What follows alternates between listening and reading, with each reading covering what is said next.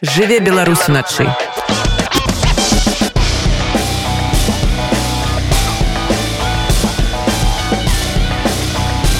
Беларускія ноцы. 25 лютага ў беларусі пройдзе так званы адзіны дзень галасавання. Дэмакратычныя сілы не маюць супольнай стратэгіі наконт таго як ставіцца да гэтай падзеі. Так святлана ціхановская заклікае беларусаў пазбягаць удзелу ў любых мерапрыемствах рэжыму. А вось ініцыятыва сумленныя людзі прапануе зладзіць актыўны байкот. А менавіта у дзень галасавання жыхарам беларусі раяць прыйсці на выбарчыя участкі і прагаласаваць у бюлетэне супраць усіх. Напердадні выбараў сумленныя людзі ў сваім чат-боце сабралі поўнае дасье на людзей якія ўжо сядзяць у палаце прадстаўнікоў якія плануюць яшчэ раз атрымаць дэпутацкія крэслы. Падрабязней пра будучых дэпутатаў парламенту актыўны байкот і магчымую легалізацыю выбараў. Паразмаўляем з лідаркай ініцыятывы сумленныя людзі аленай жываглот Лена добрай ночы. Ну і давай пачнем з таго што хіба самае цікавае і важное пытанне чаму сумленныя людзі прапануюць беларусам не ігнараваць вось гэты выбарчы фарс на што вы спадзяецеся? Э, я бы первую ремарку сделала относительно стратегии. Я бы сказала, что стратегия в силах, мне кажется, консенсусная стратегия. Я называю здесь непризнание выборов Лукашенко. Э, не считаем мы их легитимными, не считаем режим легитимным, считаем, что это фарс, имитация, обман. Здесь мы все сходимся. И Тихановская. Але оговорка идет про удел, не удел. Да. Ну, а дальше уже относительно стратегии действий, да, ну, что является тактикой по отношению к долгосрочной стратегии. У нас действительно разные компании. Мы считаем, что игнорировать неправильно. Мы думаем, что э, это мероприятие 25 февраля, единый день так называемого голосования, важно использовать как возможность повзаимодействовать с белорусами, в своем окружении, чтобы поговорить на тему политики, чтобы пояснить, почему это не выборы, почему это фарс, почему это имитация, почему это не настоящие депутаты, это назначенцы. Таким образом, расширить круг единомышленников, сторонников демократических перемен, ну или хотя бы открыть глаза людям. Але няўжо пасля двадцатого года засталіся людзі якія жылі ў ізаляцыі і якія не ведаюць што адбывалася угу. як адбывалася як праходзяць выборы ну няўжо няўжо яшчэ нехта ёсць такі э, да вот здесь я э, такого более пессимистичного, пессимистического взгляда.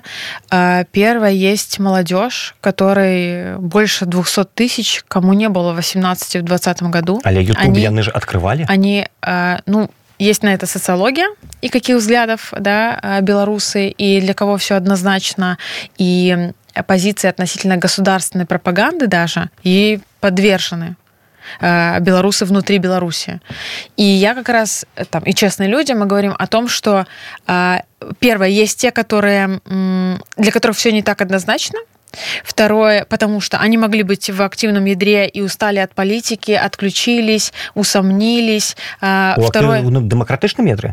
А, кто был в ядре угу. в 2020 году, кто отключился, да, там, ну, если ссылаться на социологию, а, вот эти, мы их называем отключившиеся, заснувшие, да, а это, по сути, там те, которые нейтральные, не активные сторонники ни одной, ни второй позиции. Второе, есть молодежь, на которых сегодня обрушивается идеология в университетах, которые не приходили на участки, которые не видели. А, и есть ядро, вот, по сути, это там подписчики честных людей, Светланы Тихановской, а, которые понимают происходящее, которые считают, что это фарс, имитация, обман, и можно не ходить, не тратить время, не тратить усилия. Вот к таким людям мы обращаемся к нашему ядру с тем, что а, белорусы, белорусские достойны того, чтобы на них потратить время и усилия, поговорить, с ними на тему политики, поговорить, почему Беларусь достойна лучшего, чем то, что Лукашенко называет выборами, чем э, вектор на Россию, чем э, сотни, тысячи э, в случае советов э, местных э, назначенцев – Э, иметь возможность, ну, так мы называем это, побороться за умы, за сердца, за расширение э, сторонников демократических перемен. Але яким способом? И, да? Як из ими можно размовлять? Мы в Беларуси, угу. мы у замежжа. А, да, не... ну мы как раз говорим, мы говорим с белорусами, белорусскими, которые сегодня находятся в Беларуси. Первое, когда ты в замеже, то в онлайне, либо ты в чатах со своими близкими, либо созваниваешься, либо шеришь в чате контент, ну, либо там постишь его, если для тебя это безопасно. Если ты внутри страны, и ты понимаешь, что ты, э, э, там, твоя мама мама, твой папа а, или твои дети а, думают, что а, та идеология, которая обрушится на него в университете, или когда тебя загоняют на участки, потому что их и будут загонять на участки тоже, они не не они считают, что вот эти ну, лозунги политические это без выбора, это обман и имитация. Не такого глубокого содержания относительно этих лозунгов, как протестное ядро. Поэтому говорим, что вот такими промоутерами, агентами влияния э, на людей, для которых все не так однозначно, для сомневающихся, для отключившихся от повестки э, белорусов внутри страны, вот должны становиться все мы. То есть мне кажется, что это как раз посильное действие, чтобы поговорить с своими близкими, просто расскажите им об этом дне. Добра. Поясните, але... почему але Демсила что... называют это обманной имитацией. Але со своими свояками мы и так размаўляем постоянно. Для гэта угу. ж не патрэбныя нейкія там электаральныя кампаніі, нейкія угу. такія палітычныя падзеі. А тут же ідзе заклік все ж таки да іншага ядра людзей. Э, ну, заклик как раз идет скорее до ядра, который будет обсуждать, если мы говорим там про, про подписчиков в буквальном смысле в онлайне, да, или актив, который есть внутри страны, то я исхожу из того, что сообщество «Честные люди» — это как раз те, которые понимают, что это обман, имитация, что Лукашенко нелегитимен и прочее, прочее. Вопрос, что мы с этим делаем? Мы просто принимаем это, проходим мимо, мы не можем сегодня повлиять на Лукашенко. Если мы даже все придем на участки, поставим против всех, Лукашенко посчитает это как нужно. А, и его режим, и все тому голоса. люди просто могут прийти черговый раз и расчароваться калі мы мобілізу... в чем э, у тым что э, все гэтыя дзені не маюць ніякага выхлопу а, ну какой выхлоп мы хотим я бы хотела чтобы белорусы не относились к этому дню к этому мероприятию как к выборам так яны и так да, это политическое шоу политическая кампания действительно в рамках которой мы можем промолчать и тем самым поддержать режим они а строят свою картинку мы молчим тем, для которых все не так однозначно, а может быть и для протестного ядра, которые, э, ну, я думаю, что э, я не могу сейчас говорить объективно за социологию, но я думаю, что и ты тоже слышал о мотивации людей. Сколько осталось? Все выехали, кто был не согласен, здесь тишина и спокойствие из-за того, что все в подполье ушли. Э, если мы не согласны с этим, что, с тем, что происходит в стране, какой вариант у нас есть выразить свое несогласие? Как отреагировать? Просто, а як люди убачыць, что вось те, кто так само идут на выборы, яны маюць э, падобныя погляды ну, то бок раней былі гэтай белыя бранзалеткі А вось цяпер цяпер як можна зразумець что большасць людзей супраць рэжыму яны э, прыйшлі на выборы визуально визуально никак. Ну фактически это небезопасно. И мы действительно считаем что там нет смысла э, надевать белые ленты либо э, не знаю что еще выходить с плакатами. Тогда это небезопасно. людям что вось их большасць э, ну про демонстрировать если ты говоришь показать равно визуально показать наш массовый протест угу. это не тот формат. То есть я не думаю что у нас сейчас есть возможность в Беларуси безопасно демонстрировать свой протест. У нас территория сужается, сужается, сужается. Что нам остается? У нас есть э, легальная и на сегодня безопасная возможность. Э, если у вас есть потребность высказать свое несогласие вот таким образом, поставить против всех. Является ли это э, массовым уличным протестом? Не является. Э, считаю ли я, что это жест несогласия, демонстрации протеста? Да, считаю. Увидит ли мое окружение или согласится? Вот я говорю об этой форме. На сегодняшний момент я ее вижу как единственно безопасную. Я высказываю свою позицию, я говорю, что я не согласен, я дискутирую с тобой. И вот, допустим, разыграем ролевую модель, что ты считаешь обратной точки зрения. Я думаю, что сколько бы ни говорила Светлана Тихановская, либо кто-то из политиков, uh, in exile, да, еще из Польши, из uh, Литвы на этот счет, что uh, собственный опыт политического участия это лучшее, что может произойти с белорусом, с белорусской. Э, если я прихожу на участок э, и вижу происходящее там, вижу пустые участки, или вижу пригнанных студентов или солдат, вижу тетю с начесом, вижу депутата, смотрю его досье, а он третий раз избирается сюда, и я, возможно, его первый раз вижу, потому что я за него не голосовала никогда это есть почва для критического мышления белорусов о том, что здесь не так. Але я бы не хотел... мы это уже бачым апошнія 25 гадоў ну збольшага вось усе ну мы да комп... ну ты я да а, но думали я что таких людей которым все однозначно понятно а, и которые воспринимают критически происходящее нет тогда кого загоняют на участке расскажи кого загоняют працаўнікоў бюджэтнікаў тому что у іх няма выйсця альбо ты ідзеш на гэты участак і галасуеш альбо цябе звальняюць а ў беларусі знайсці працу не так просто ну тогда так скажу Про молодежь, про которую я вспоминаю, э, помнишь вот этот эпизод, когда централизованное тестирование, э, посчитано было не так баллы, да, Так, потом так, так. пересчитали. Э, не знаю, сколько отслеживал ты плотно повестку, как много было молодежи и студентов, которые говорили, Лукашеночка любимый, пересчитал нам баллы, спасибо большое, навел порядок. Так это вот это для меня... э, э, цар хороший бояры памыляются Да, нічога а не люди змяняецца. верят в это, а люди верят в это. Как бы мы ни говорили о том, что все настолько понятно, все очевидно. Вот я э, обращаюсь как раз к политикам с тем, что давайте не будем настолько самоуверенными в том, что э, каждому студенту и студентке, условно, да, э, также очевидно, почему режим нелегитимен, что здесь является абсурдом, почему это назначенцы, как политикам которые 30 лет ведут профессиональную или там активистскую деятельность на этот счет. Вот. И поэтому, когда мне включают аргументы, все и так понятно, сори, но нет, ну не все так понятно, тогда бы таких просмотров на телевидении не было, люди бы не смотрели телевизор. Э, Тогда бы ситуация, при которой э, по социальным, э, социологическим исследованиям э, к России относится не как э, стопроцентному агрессору, который ведет войну против Украины, мы бы видели гораздо более оптимистичные данные. Вот, поэтому я несколько скромнее относительно э, ну, такой уверенности в том, что все белорусы белорусские однозначно трактуют э, происходящее в стране. Э, Я думаю, что государственная пропаганда достаточно успешно ведет свою политику. Э, И думаю, что для того, чтобы иметь как можно большее количество вариантов действий в 2025 году на президентских выборах или в случае открытия окна возможностей, как, как мы вот любим использовать термин, а, как в 2022 году случилось, а, нам нужно стремиться к тому, чтобы политизировать белорусов и белорусок. И я так понимаю глобально вообще стратегию этим сил. То, чем мы занимаемся с 2020 года, ну и ранее, да, ну 2020 года, логика сводится к тому, что даже когда мы в изгнании находимся, э, вынужденно выехавшими, мы стремимся удержать белорусов в повестке, заставлять их мыслить самостоятельно, не подвергаться государственной пропаганде, принимайте свои осознанные решения. Лукашенко пытается э, и работает над тем, чтобы деполитизировать граждан. Политика это сложно, это не нужно.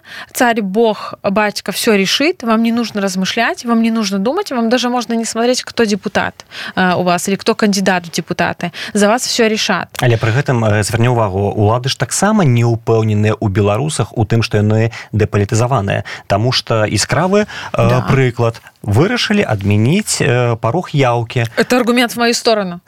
Это аргумент в мою сторону. Э, Режиму не нужны неправильные граждане на участках. Режиму не нужны неправильные граждане в стране. Нужно, чтобы все, кто не согласен, выехали из страны, либо боялись, сидели под плинтусом. Чтобы на участках появились люди, которые готовы взять красно-зеленый флажок, которых привели, они проголосовали так, как нужно проголосовать, а неправильные молчали. Нужно, чтобы было стерильно чисто, чтобы не было тех, кто мешает вести политику партии. Они боятся того, что будет протестная явка, они боятся того, что люди будут погружаться э, в мероприятия, смотреть за происходящим, что, что, что это на самом деле, чем это является. Э, Поэтому они даже отменили нижний порог явки. Але маглі б зрабіць па стандартнай схеме загнаць бюджэтнікаў студэнтаў каму залежыць і зрабіць прыгожую карцінку нафотаграфаваць Чаму яны на гэта пайшлі Я думаю, что и это будет тоже происходить. То есть картинка будет нарисована, она фотографирует, загонит студентов и всех остальных. Я думаю, что просто настолько наглеет режим сейчас, что они могут себе позволить просто запретить ОБСЕ. Э, Мы не будем их э, принимать даже наблюдателей из ОБСЕ. э, Просто отменить нижний порог явки. То есть они узаконивают э, беспредельность своих действий. Ну все. і пры гэтым І- яны хаваюць імёны прадстаўнікоў гэтых выбарчых Да, камісій А это- гэта навошта чаго яны тут баяцца Э, Я думаю, что боятся того, что люди будут, э, ну, и, т- скажем, мягкая форма, социальное давление, э, ну или там в агрессивной форме. То есть они прячут тех, кто приверженцы режима, э, которые м, находятся в меньшинстве, я верю в Беларуси, и таким людям не так-то легко жить, на них будет оказываться давление, даже если мы не говорим сейчас про агрессию или физическое, не знаю, насилие, мы говорим о том, что когда э, твой сосед, соседка, которая придерживается демократических ценностей, и они знают, что ты член комиссии, то, скорее всего, тебе неловко будет ехать в лифте с ним. Вот, поэтому Лукшаночка бережет э, своих подопечных. Мне кажется, что это вот про это.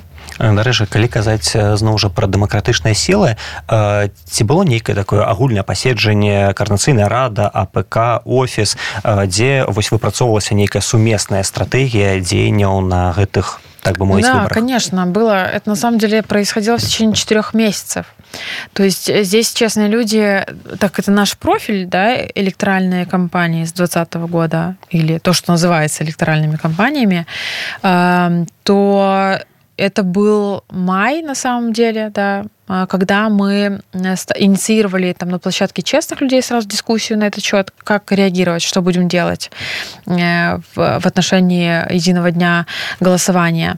И это были серии дискуссий в публичном пространстве и в закрытом формате с экспертами. Офис Ланы Тихановской проводил дискуссии, дебаты, обсуждения. Координационный совет э, тоже обсуждали на своей площадке, честные люди обсуждали. То есть довольно много было жарких дебатов на этот счет. А, опрос проводили тоже всем, кто желал, и представители структур организаций, просто граждане могли присылать свое видение и критиковать предложенную стратегию.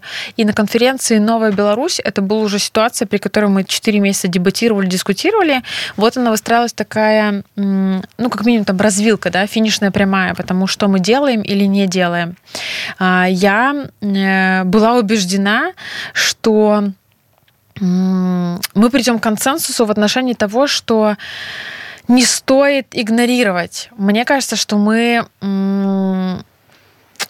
первое единомышленники точно в отношении того, что э, мы считаем, что нужно не соглашаться с действиями режима и искать форму борьбы.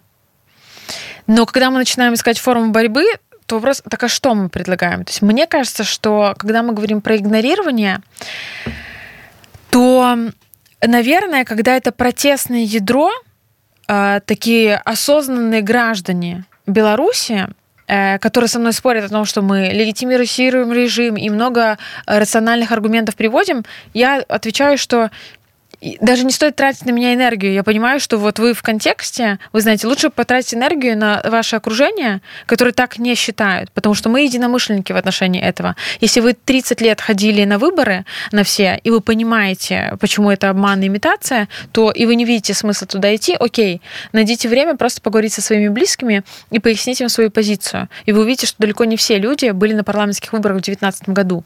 И это было грустное шоу, грустное мероприятие. Да кандидатов не было до позиции.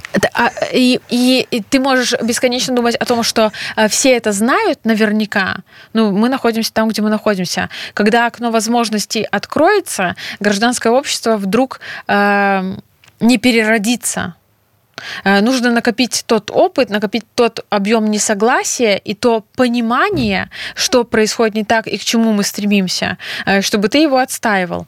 Вот, поэтому, касаясь там э, вот этого вопроса выработки стратегии дискуссии, ну да, так шли дискуссии и дебаты, что для меня это выглядело как то, что мы э, не будем призывать к игнорированию все, потому что это провокация апатии, на мой взгляд. Э, на активное протестное ядро нет, потому что это люди, которые в действии, э, они и так мобилизованы участвовать в том, в чем можно, да, в безопасном формате. А на, если мы ставим задачу расширить круг сторонников демократических перемен или вернуть в повестку, то мне кажется, что стратегия игнорирования идет э, в разрез с этой задачей. Мне кажется, что это не проказ. То есть как звучит э, призыв игнорировать? Ну, это равно ничего не делать. І, а, мне а кажется, тых, хто это... яго падтрымуць скажа што а тых хто ідзе на выбары яны легітымізуюць э, гэтыя выбары Легитимизирует не э, количество протестной или непротестной явка, легитимизирует поддержка. И если для э, всех выглядит, или там в реальности все поддерживают, вот это легитимизация.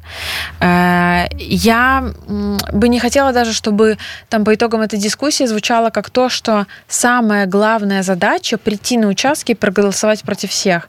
Задача не в этом. Задача в том, чтобы получить свой опыт политического участия и если вы понимаете, что для вас это небезопасно, потому что у вас была уголовка или административка, и э, администрация этой школы знает вас в лицо э, и позовет ОМОН и скажет, а проверьте ему телефон, не знаю, например, э, то, то и не ходите.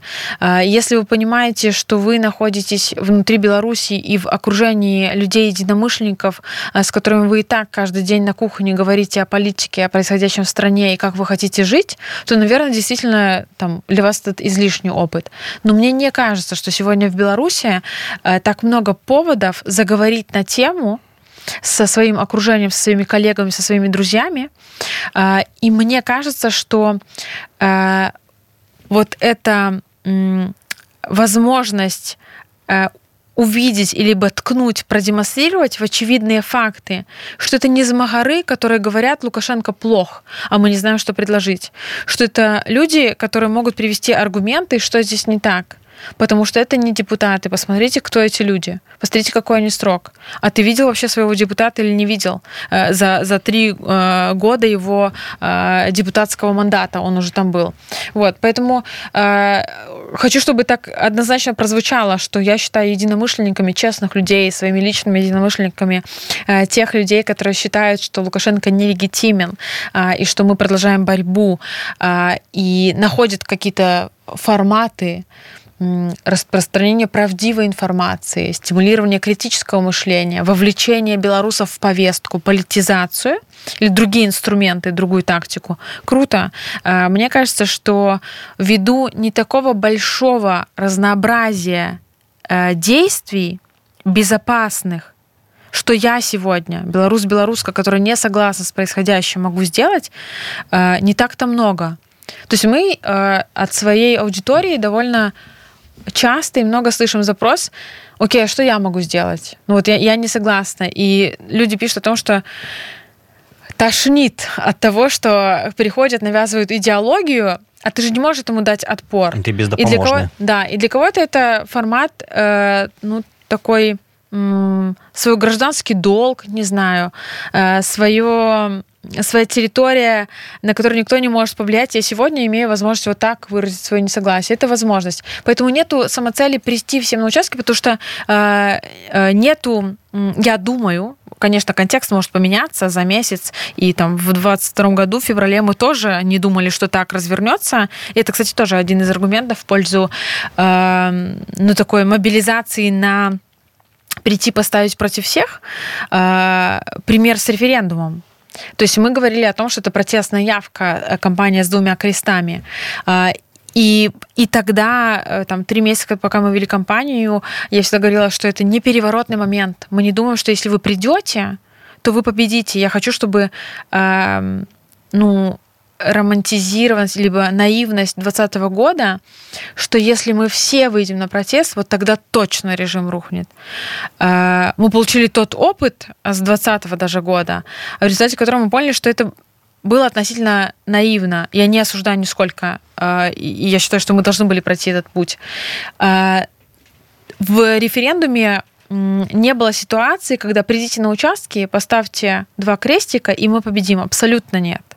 Это была история про то, что если у вас есть потребность увидеть своих единомышленников, тогда это еще было безопасно. Прийти и стать в очередь. Тогда на участках не хватало МОН. Сегодня я уже не говорю про это. На участках-то не да, было ни одного задержания. Ситуация резко змянілася. Дарэчы, хотел с тобой абмеркаваць э, вось одну з э, ваших апошніх, э, скажем так, дзеянняў. Гэта калі ў чат-боце сумленных людзей з'явіліся, скажем так, дасе, поўнае дасе на будучых ды былых дэпутатаў парламента, сабраныя на іх кампрамат, іх нейкія дзеянні, іх заклікі. Гэта для кого и для чего было зроблено угу. Вот этот бот «Честный выбор», чат-бот, телеграм-бот. «Честный выбор» — это вообще продукт, проект, который э, существовал до до этой кампании, до единого дня голосования. Э, мы, это актив людей, который вовлекался в обсуждение народной конституции когда-то в 2021 году. И дальше летом мы вели кампанию Кинкизяк по антирейтингу рейтингу так называемых депутатов, действующих, которые на сегодня действуют, чей вот депутатский срок заканчивается, единый день голосования.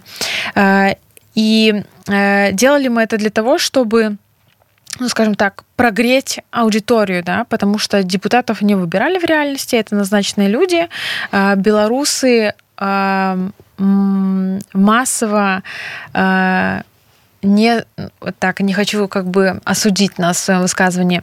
Не все белорусы наверняка понимают, э, каков депутатский мандат, что на самом деле нужно ждать от местного совета, от депутата местного совета или от парламента. А, не все депутаты знают даже, кто его, не все белорусы знают, кто его депутат. И поэтому мы собирали э, базу э, и вот досье на депутатов парламента, не на местных, но на парламента, 110 депутатов, э, куда ты приходишь в бот и можешь ввести свой адрес и увидеть, к какому округу ты относишься, увидеть депутата, равную фотографию, фамилию, имя, отчество и собранные материалы, что, какая у него позиция, например, там, относительно России, Беларуси, какие у него первые высказывания были. Я своего кого депутата он, проглядел. Да, что, что он натворил в законотворчестве. А, и сейчас это база действующих депутатов. Когда будут объявлены списки кандидатов, мы добавим туда а, кандидатов в депутаты. Уже обвестили да. сегодня. О, сори, сегодня ввестили. Добавили туда списки кандидатов в депутаты, и, соответственно, вы понимаете, они еще не скажем, не выиграли, им еще не анонсировали, кто, э, кто победил. Для чего мы это делаем? Э, первое, чтобы вы увидели этих людей, и, возможно, это вообще ваш сосед окажется. Второе, чтобы вы действительно поняли, белорусы увидели, что это люди, которые на повторные сроки идут, что они делают, а, то есть для белорусов. А с другой стороны, это косвенное давление на депутатов в том числе. Потому что ситуация, при которой вся ответственность возлагается на Лукашенко, ну нет. На самом деле они тоже не останутся безнаказанными люди, потому что они выполняют приказы Лукашенко. Вот, поэтому это его, по сути, свита. Поэтому в этот бот можно прийти, ввести свой адрес, увидеть э, своих депутатов, Соответственно, ну и потом увидеть, кто, кто согласно э, Лукашенко победит. Вот. Э, дальше э, тут зависит от желания белорусов и актива. То есть если в каком-то округе набирается большое количество белорусов, и у них есть потребность в том, чтобы повзаимодействовать друг с другом, в безопасной форме, то тоже можно на базе этого бота сделать. Мы их собираем в анонимный чат. Важный момент тоже э, мне кажется, что в Дим Силах нет таких ботов, кроме как наш честный выбор, что этот бот э, не подписывается как там бот честный выбор. Э, это система, то есть простым языком, когда ты авторизуешься, и дальше бот приобретает рандомные названия, имя, типа он будет называться Женя, Рома, Лена, либо как-то еще. Если вдруг вас задерживают и берут телефон, то этот бот не находит по, по наименованию «Честный выбор». То есть он в Телеграме будет у вас как мимикрировать под, под контакты ваши. А, ну, понятно, что для чего мы это делали, чтобы э, люди э, спокойнее себя чувствовали, э, будучи зарегистрированными в боте. Здесь нету, я бы сказала, тоже, это не магистральная линия. То есть, когда мы говорим прийти поставить против всех, либо прийти посмотреть в боте, кто ваш депутат, эм, я не подогреваю эти действия как самоцель. Это инструменты для того, чтобы погрузиться в контекст, чтобы разобраться в ситуации и сделать свои выводы. А, выборы а, это не только день голосования, безусловно, а это вообще не является выборами, да, поэтому нету переломного момента, нету революционного события, мы это понимаем. А, и даже если вы будете знать, кто те назначенцы, кого вам предлагают, и даже если вы придете поставите против всех, а, я не говорю, что это волшебная формула, которая равно режим пойдет. Абсолютно не так. Но сегодня нет такой формулы, чтобы режим пал. такая Есть... магчымасць актывізаваць людзей да, у да. гэты кароткі момант Лен, на жаль час размовы наш падышоў до конца я хочу падзякаваць табе за гэтую размову а нашим слухачам нагадаць что сёння госці радыонет была лідарка ініцыятывы сумленныя людзі алена жываглот дзякуй час дзякуй жыве беларус уначы